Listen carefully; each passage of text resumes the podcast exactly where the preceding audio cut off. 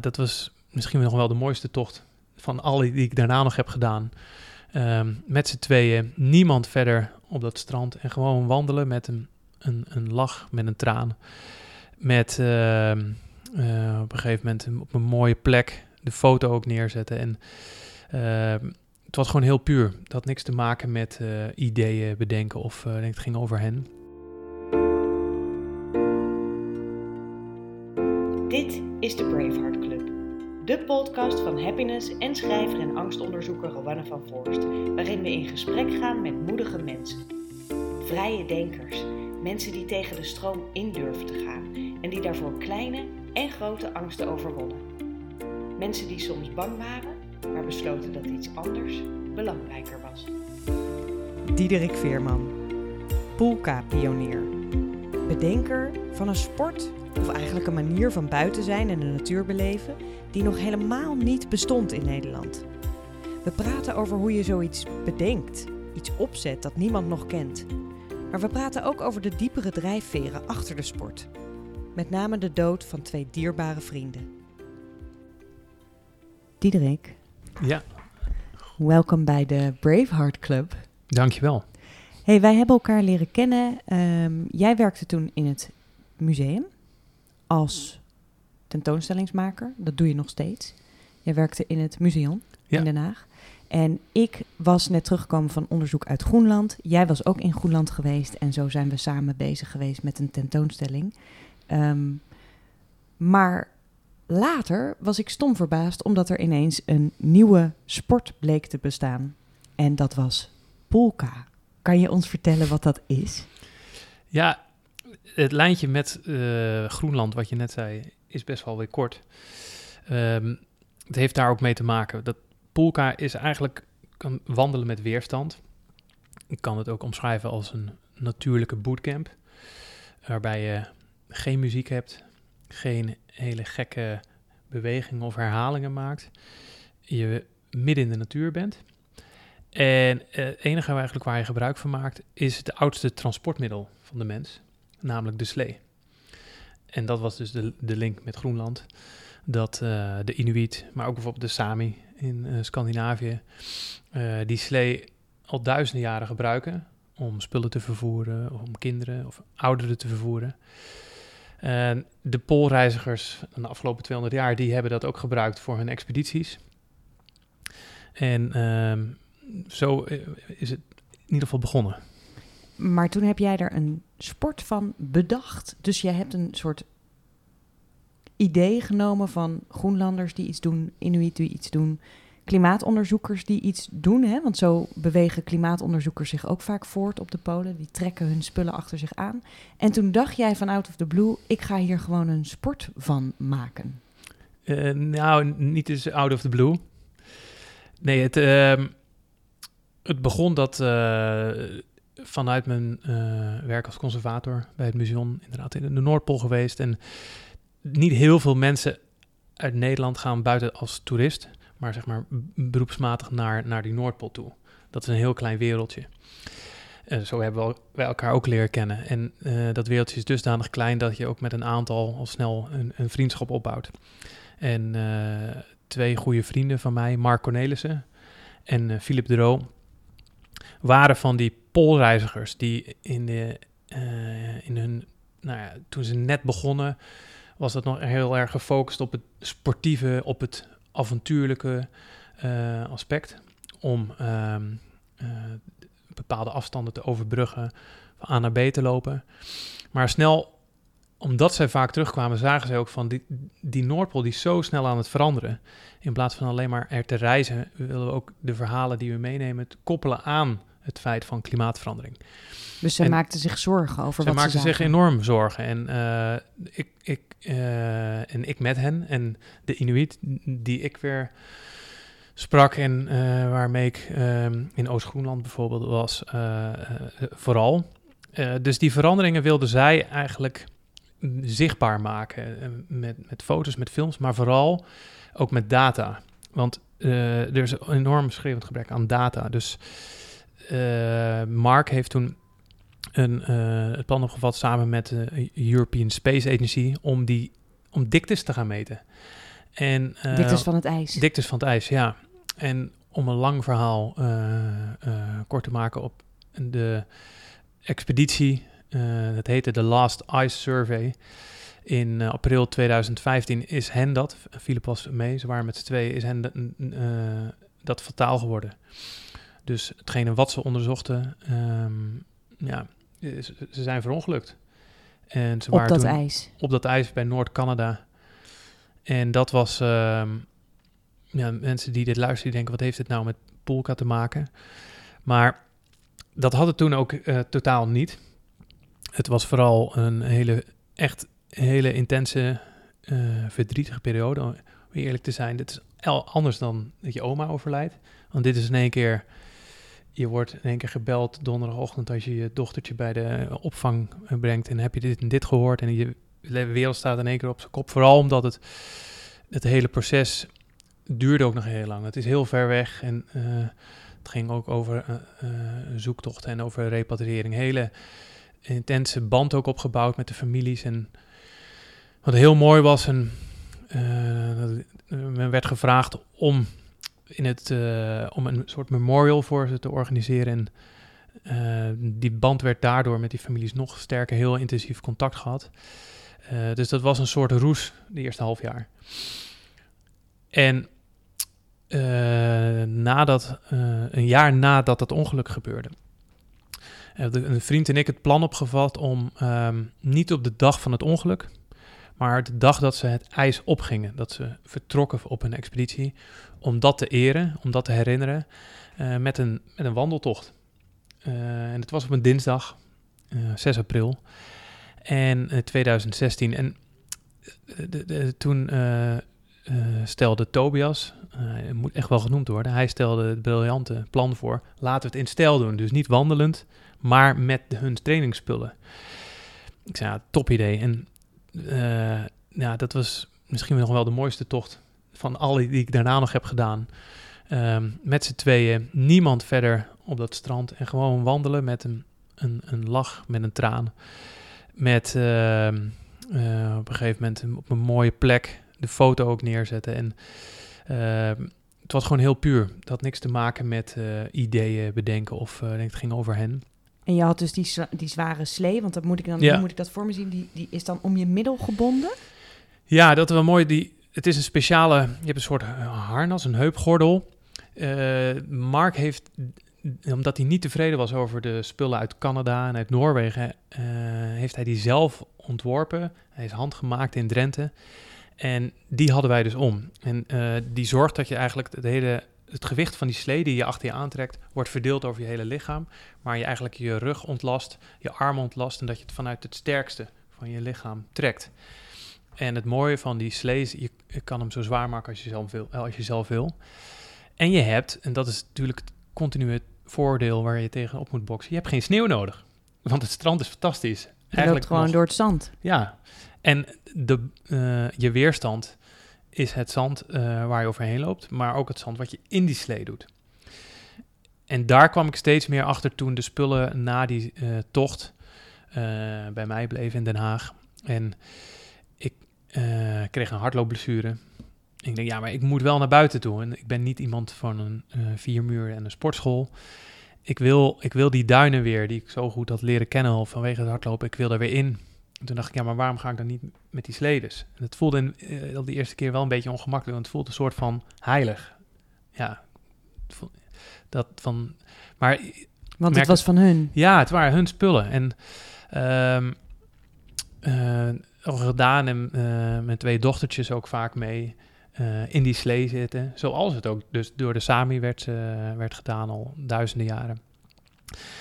En een jaar later ongeveer begon het, viel in één keer. Dus de Out of the Blue, waar je het toen over had, dat was het niet.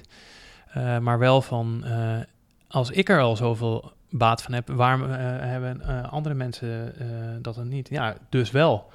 En ik, toen ging ik echt het meer gaan analyseren en bekijken van, hé, maar wat nou als je het inderdaad inzet als een workout, als een, als een sport? En um, zo is het gekomen. Maar om daadwerkelijk dan een stap te zetten en te zeggen, ja, nu gaan we ervoor. Dat is wel, dat is natuurlijk nog wel een ander verhaal. Was dat spannend? super spannend. En het had eigenlijk, de aanleiding is best wel, vind ik, ja, stom. Dat je dat nodig hebt. Maar was dat ik gewoon in, in, op mezelf aan het trainen was. En dat er een bootcamp in de traditionele zin van, zoals je overal in Nederland ziet, bezig was, ook in het duingebied. En ze zagen mij, ze, ze liet bijna de gewicht uit hun handen vallen. En toen vroegen ze op een gegeven moment waar je aan het doen bent. Nou ja. En ik vertelde mijn plan. Ik wil hier een, een workout van gaan maken. En ik weet nog dat die trainster uh, zei: Goh, nou dan zou je de eerste zijn. Maar echt met een stem dat ik dacht: Oh, oké. En dat raakte me zo. Dat ik dacht: van ja, maar van, uh, dit, dit is bij, mij een hele voorgeschiedenis en heeft emotie. Ik wil niet dat iemand nu dit gaat doen, alleen maar puur van uh, lekker lekker nieuwe workout. Oh, jij had, het, jij had het gevoel dat zij dat ook wel ja, zou willen? Ja, ze zei van, oh, dan zou je wel de eerste zijn. Het, misschien moet ik helemaal niet zo denken. Maar het was in ieder geval wel het feit van, oké, ik het maakt mij inderdaad helemaal niet uit dat er een tweede en een derde komt. Integendeel. Maar uh, kom niet aan die vrienden van, het, aan de geschiedenis, aan de, aan de harnassen. En ja, het was niet voor jou een oppervlakkige workout. Want kun je mij nog uitleggen, want uh, de stap van, oh, dit is heel mooi voor mezelf, naar ik wil dat andere mensen dit ook gaan meemaken. Gaat dat dan om het feit dat het zo blessure ongevoelig is? Of was er ook nog iets dat je dacht, oh, maar dit buiten zijn of deze manier, dit moet ontdekt worden of zo? Ja, nou, het is inderdaad een combinatie van, je hebt niet die schokbelasting. Je kan het zo zwaar maken als je zelf wil. En ik zei net, ik heb niks met sportscholen. Tegelijkertijd heb ik wel 15 jaar spinningen gegeven. En merk ik wel dat wat de, het fijne van spinning is dat je heel veel verschillende niveaus in één groep kan hebben. En uh, dus uh, mensen heel veel mensen tegelijkertijd kan bedienen. En dat merkte ik dat ik met, met die sleders ook is. Je kan gewoon twee mensen naast elkaar hebben lopen wandelen. En de een heeft hem helemaal volgegooid. En de ander heeft een paar korrels in liggen.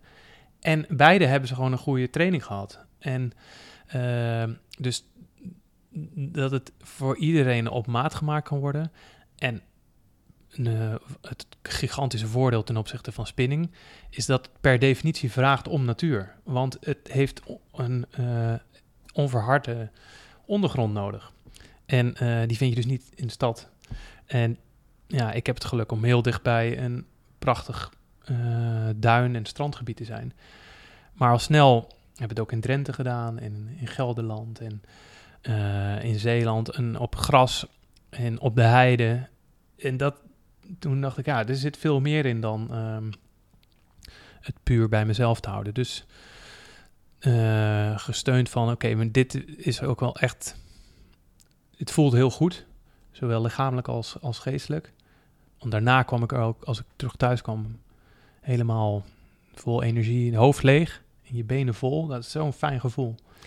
Kunnen we het nog even hebben, wat jij zei, hè, die eerste keer. En ik kan me zo goed voorstellen, want het voelde bijna een beetje als heiligschennis om dan hun materialen te gebruiken. Het voelde ongemakkelijk. Ja. Daarna omschrijf je nog heel mooi een, een gevoel van ongemakkelijkheid. Namelijk als je, als je een soort begeerige uh, andere sportleraar ziet die het misschien wel wil afnemen wat je alleen vervelend vond, omdat het dan ineens een heel oppervlakkig verhaal werd en niet meer de achtergrond van jouw vrienden had. Wat heb je gedaan om door die ongemakkelijkheid heen te komen?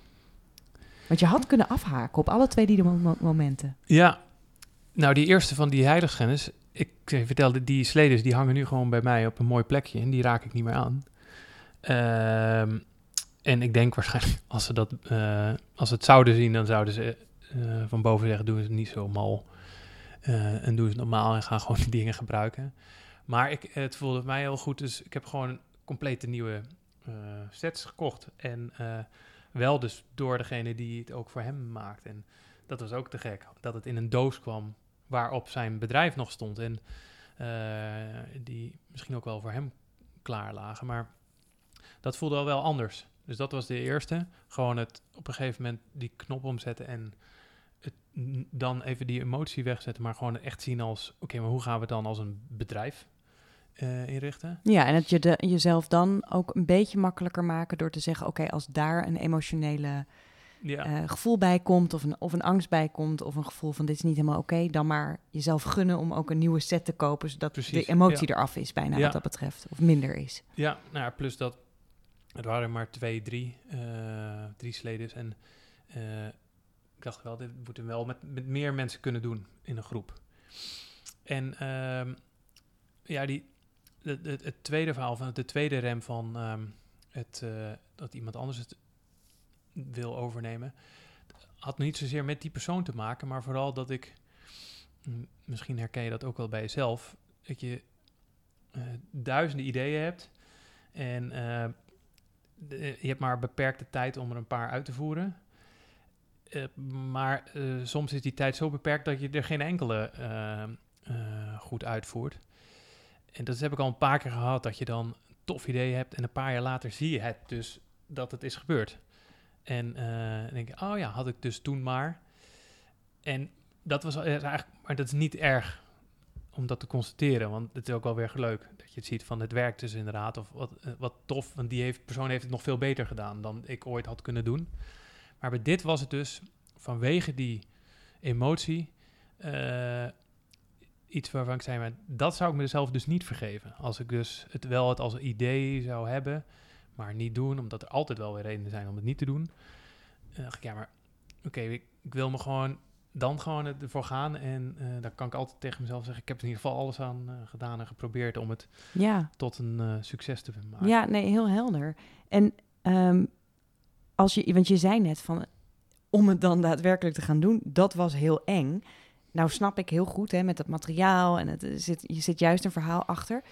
Maar ik kan me ook voorstellen dat er nog iets eng is. En dat is dat je ook gewoon, je werkte in het museum en ineens ga je eigenlijk iets anders ernaast doen.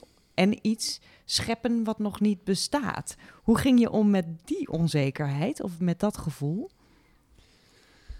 Ehm, nou ja, om eerlijk te zijn, dat het scheppen het, van wat er nog niet bestaat, geeft me eigenlijk wel, dat geeft wel een kick. Dat is echt, het is heel gaaf dat je een woord, het, wat nog niet bestaat, zoals, het, zoals, het, zoals je bij mij Polka schrijft. Het heeft wel natuurlijk een link en het betekent ook slee in, eh, in de taal van de, van de Sami, alleen je schrijft het anders. Ehm, maar het feit dat mensen erover gaan praten en dat eh, bij bij een lancering in één keer een, een, een nationale televisieploeg staat, dan ja, dan zeggen je lacht de bal uit je broek, maar dat zouden ze dus zeggen. Ik denk, ja, dat is wel kicken. Dat is echt gaaf. Dus het dat geeft vooral, soms het is een beetje een, mix tussen onzekerheid en vooral ook bewust van zijn van, hey, gaaf, als ik deze, deze stappen niet had gezet, hadden mensen dit woord dus nooit hadden uitgesproken. Laat staan door die duinen met, met de sledens lopen sjouwen. En dat is dus vooral, geeft vooral energie en geeft vooral een kick. Ehm, en dat je nog andere dingen ernaast hebt, zoals een, een, een baan. Ehm, Ja, want je hebt gewoon een fulltime baan en een gezin. ja, ehm, maar sporten heb ik ook nodig. En iedereen eh, eh, doet er goed aan om regelmatig buiten te zijn, om, hoe druk je het ook hebt. Dus ik eh, dacht vooral van, ja, ik beschouw het ook niet als werk. Ik ga trainen en ik neem heel graag mensen mee. Zijn het er acht, ben ik blij. Zijn er er twee, vind ik het ook best. Ik ben in ieder geval buiten. En zo is het soms ook. Dat het is eh, eh, niet elke keer dat het bomvol zit, maar ik geniet zo van gewoon het buiten zijn. En dat je op een woensdagavond eh, nu gewoon in het donker door dat duingebied lopen en lekker aan het trainen bent. En dat je elke keer als je er komt, is het weer anders. Door wind, door eb en vloed, door, ehm, eh, door hoe het zand er weer eh, bij ligt. Wat, eh, dus ja, het, het is. ehm, het voelt, en dat is natuurlijk het fijn, het voelt niet als werk. Nee, maar het is misschien ook wel een mindset dat je gewoon besluit: ik ga dit voor mezelf doen en ik ga het niet zien als iets wat zwaar is naast mijn werk, ehm, maar iets waar ik plezier uit haal en dan zie ik wel waar ik uitkom of Ja. zo. Ja, het, het is gewoon een eh, battery charger eigenlijk. Ja. Wat heeft het overwinnen van die onzekerheden en het nemen van deze beslissingen, wat heeft het je gebracht? Ehm,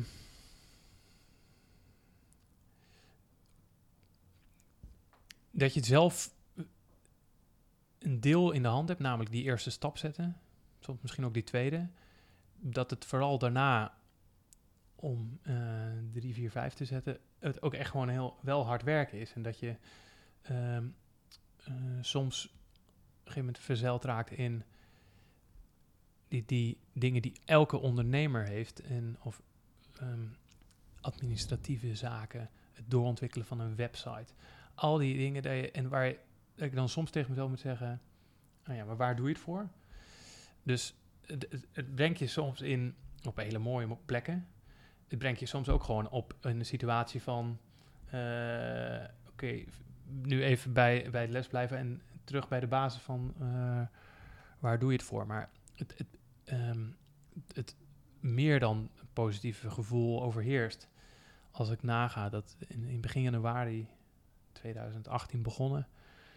En uh, nu nog ineens een jaar later. En als ik dan kijk welke plekken en welke festivals, events, dagen uh, uh, ik, ik, ben geweest. En een van de mooiste dingen, als dat uh, mag noemen, dat was echt wel gaaf. Dat was een, een, de Beach Cleanup Tour. Waarbij ehm, dus 3000 vrijwilligers via die Stichting Noordzee het strand schoonmaken. En er wordt echt gigantische aantallen afval um, worden opge opgeraapt. Ik heb een van de eerste dingen die ik deed, toen voor nog zelfs dat die eerste les begonnen was, ik heb hen gemaild. Ik zei, ik wil echt heel graag op een of andere manier links en rechts een partner worden, partner worden. Want dat was sowieso wat ik al deed. Als ik liep door het duingebied en ik zag afval op het strand, gooide ik het in de slee. Ik, ik heb immers toch het achter me aan uh, waar we het niet oppakken en meenemen. En uh, dat ook uitgelegd. En het was zo gaaf dat zij dat ook zagen. Uh, tot inderdaad eindmonden dat het een poolka-etappe hadden van de afgelopen Beach Cleanup Tour in, in Noord-Holland. En dat je gewoon dan met 80 man op een strand in de buurt van uh, uh, Wijk aan Zee loopt. En dat je meer dan 350 kilo inzamelt. En dat, dat is misschien wel een van de gavere dingen. Dat het dus niet alleen maar gaat om het als een fysieke workout te zien, maar dat je ook je steentje kan bijdragen op een soms misschien maar een kleine schaal, maar wel om die natuur, waar je dan zo afhankelijk van bent, daar ook weer iets terug te geven. Door iets weg te halen. Ja, dus het, het, het, het gaat dan ineens. Het, is een, het, is een, het heeft jou een levensinzicht gebracht, maar het is ook wel een, iets wat je ervoor terugkrijgt wat veel groter is dan jouzelf. Want het gaat dus ook ineens over eigenlijk weer het klimaat op een positieve manier ja. uh, beïnvloeden. Ja. ja, en dat zijn de, eerst die maanden stonden gewoon in het teken van uh, de naam Polka uh, gaan resoneren, dat mensen het, er kennis mee maken. En nu gaan we, uh, gaan we dat soort, wil ik dat soort dingen meer gaan doen. Dus dat bedrijven ook en organisaties zeggen, we willen eens meer dan in plaats van het stereotype, de reguliere bowling-uitje, maar willen echt iets betekenen, hem meenemen en dit verhaal vertellen tegelijkertijd een stukje strand schoonmaken. En we gaan ook een, um, um, met de personal trainer van, van Philip, een van mijn twee vrienden. Zij doet bijvoorbeeld van het ijsbaden, wat ook een yoga en meditatie. En dat heeft natuurlijk ook heel veel met het noorden te maken. En uh, samen gaan we een retreat uh, organiseren in april aan die kust, waarbij mensen een, een auto uh, of een fiets neerzetten, hun spullen in de slee gooien en binnen twee minuten zijn ze in the middle of nowhere. En pas twee dagen later zien ze die auto of fiets weer terug. En tussendoor, nou ja, gaan we echt hele gave dingen doen. Dus dat soort dingen worden echt wel leuk om, um, daar kijk ik enorm naar uit. Absoluut. Ik vind het heel bijzonder klinken. en ook een beetje koud, maar... Die warmt wel weer op. Um, wat is... Ik begeleid veel creatievelingen en uh, ik krijg veel mailtjes van uh, mensen die best wel een grote droom hebben. En heel vaak durven die hem dan niet helemaal uit te voeren of zeggen ze ik heb er geen tijd voor. Wat ik bij jou hoor is dat je eigenlijk van een heel groot verdriet een soort kracht hebt gemaakt of zo. Dat het een soort creatieve kracht is geworden. Is dat een manier, denk je, ook voor anderen om van een droom iets echts te maken?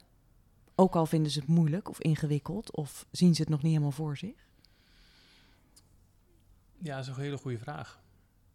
Want je je stelt inderdaad ook dat dat verdriet eh, vertaald is en getransformeerd is in een kracht.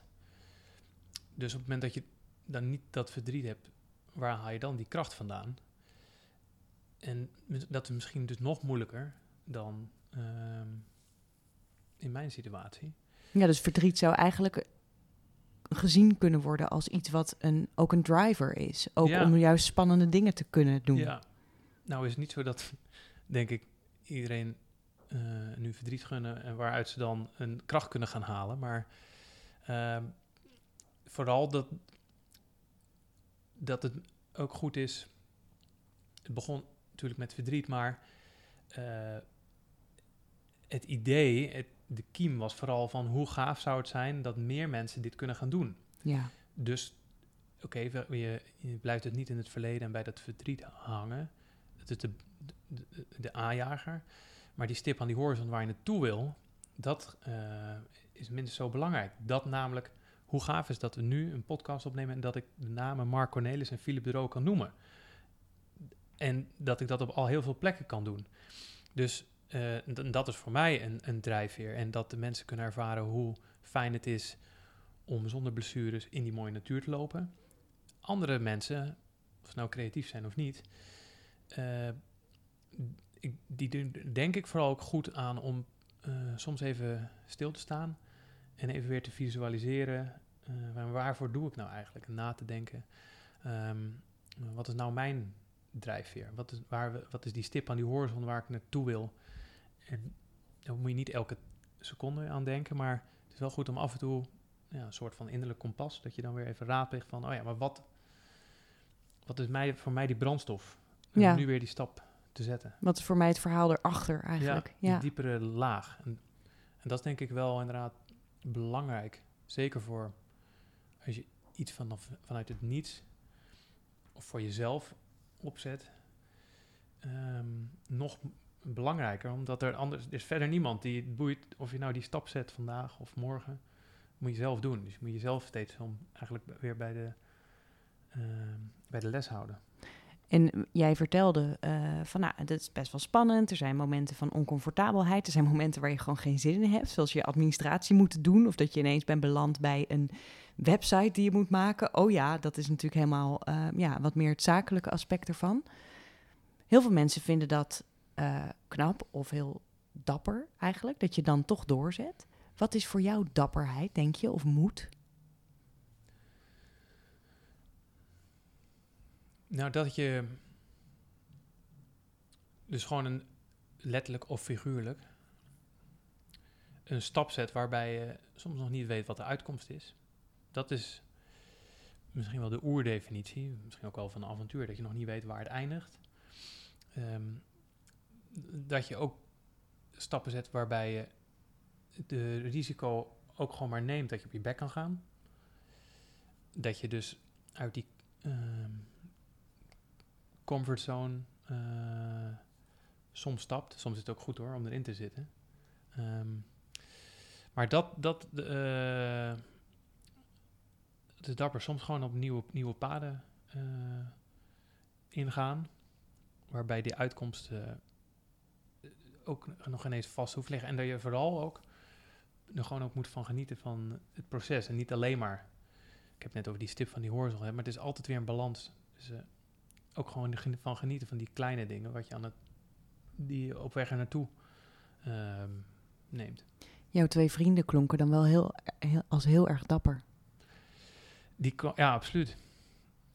Zij hadden hetzelfde, maar dan op een, eh, een veel grotere schaal. En ook een heel belangrijk doel. En ook zij, ehm, voor, voor, voor hen was het ook zoeken naar ehm, manieren om hun eh, gevoel en hun liefde voor dat gebied, om daar meer mee te doen.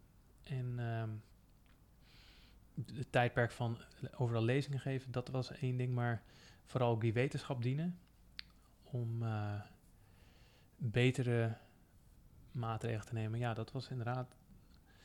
Daar is eh, heel veel dapperheid voor nodig. Vooral ook als je beseft dat ehm, na, die, eh, na dat ongeluk, eh, ik heb een, een boek, als je ziet hoeveel krantenberichten er geschreven zijn wereldwijd over dit ongeluk, en is het echt heel triest.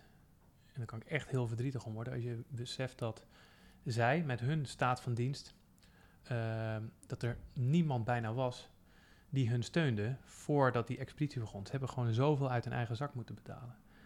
En, ehm, maar zij hadden die drive en ze wisten gewoon van, ik moet het wel doen. Uh, want ik weet dat dit belangrijk is uh, voor mezelf, voor, uh, voor die wetenschap, voor de wereld. En um, ja, dat is wel heel, ja, wrang dat dan daarna de wereld te klein is. En, van de New York Times tot The Guardian tot ook natuurlijk in Nederland heel veel. Maar aan de andere kant goed dat, dat, het wel, dat mensen erbij stilstaan. Maar des te uh, meer, omdat je het hebt over dapper, is dat heel dapper. Ja, pioniers in het veld. Ja.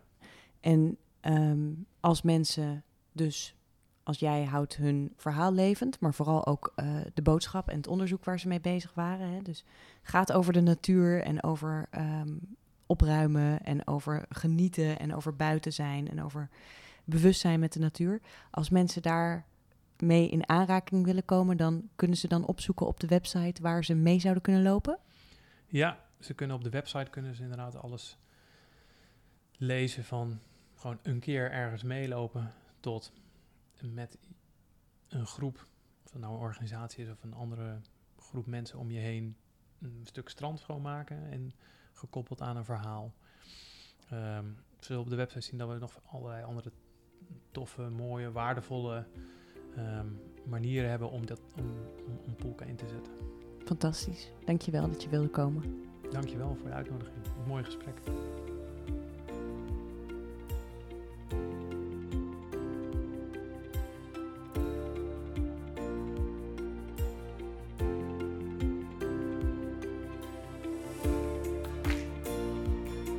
Dit was Braveheart Diederik Veerman. Wil je meer gesprekken horen met dappere mensen? Kijk dan op happinessmeteenz.nl slash podcast of kijk op happiness.nl slash braveheart.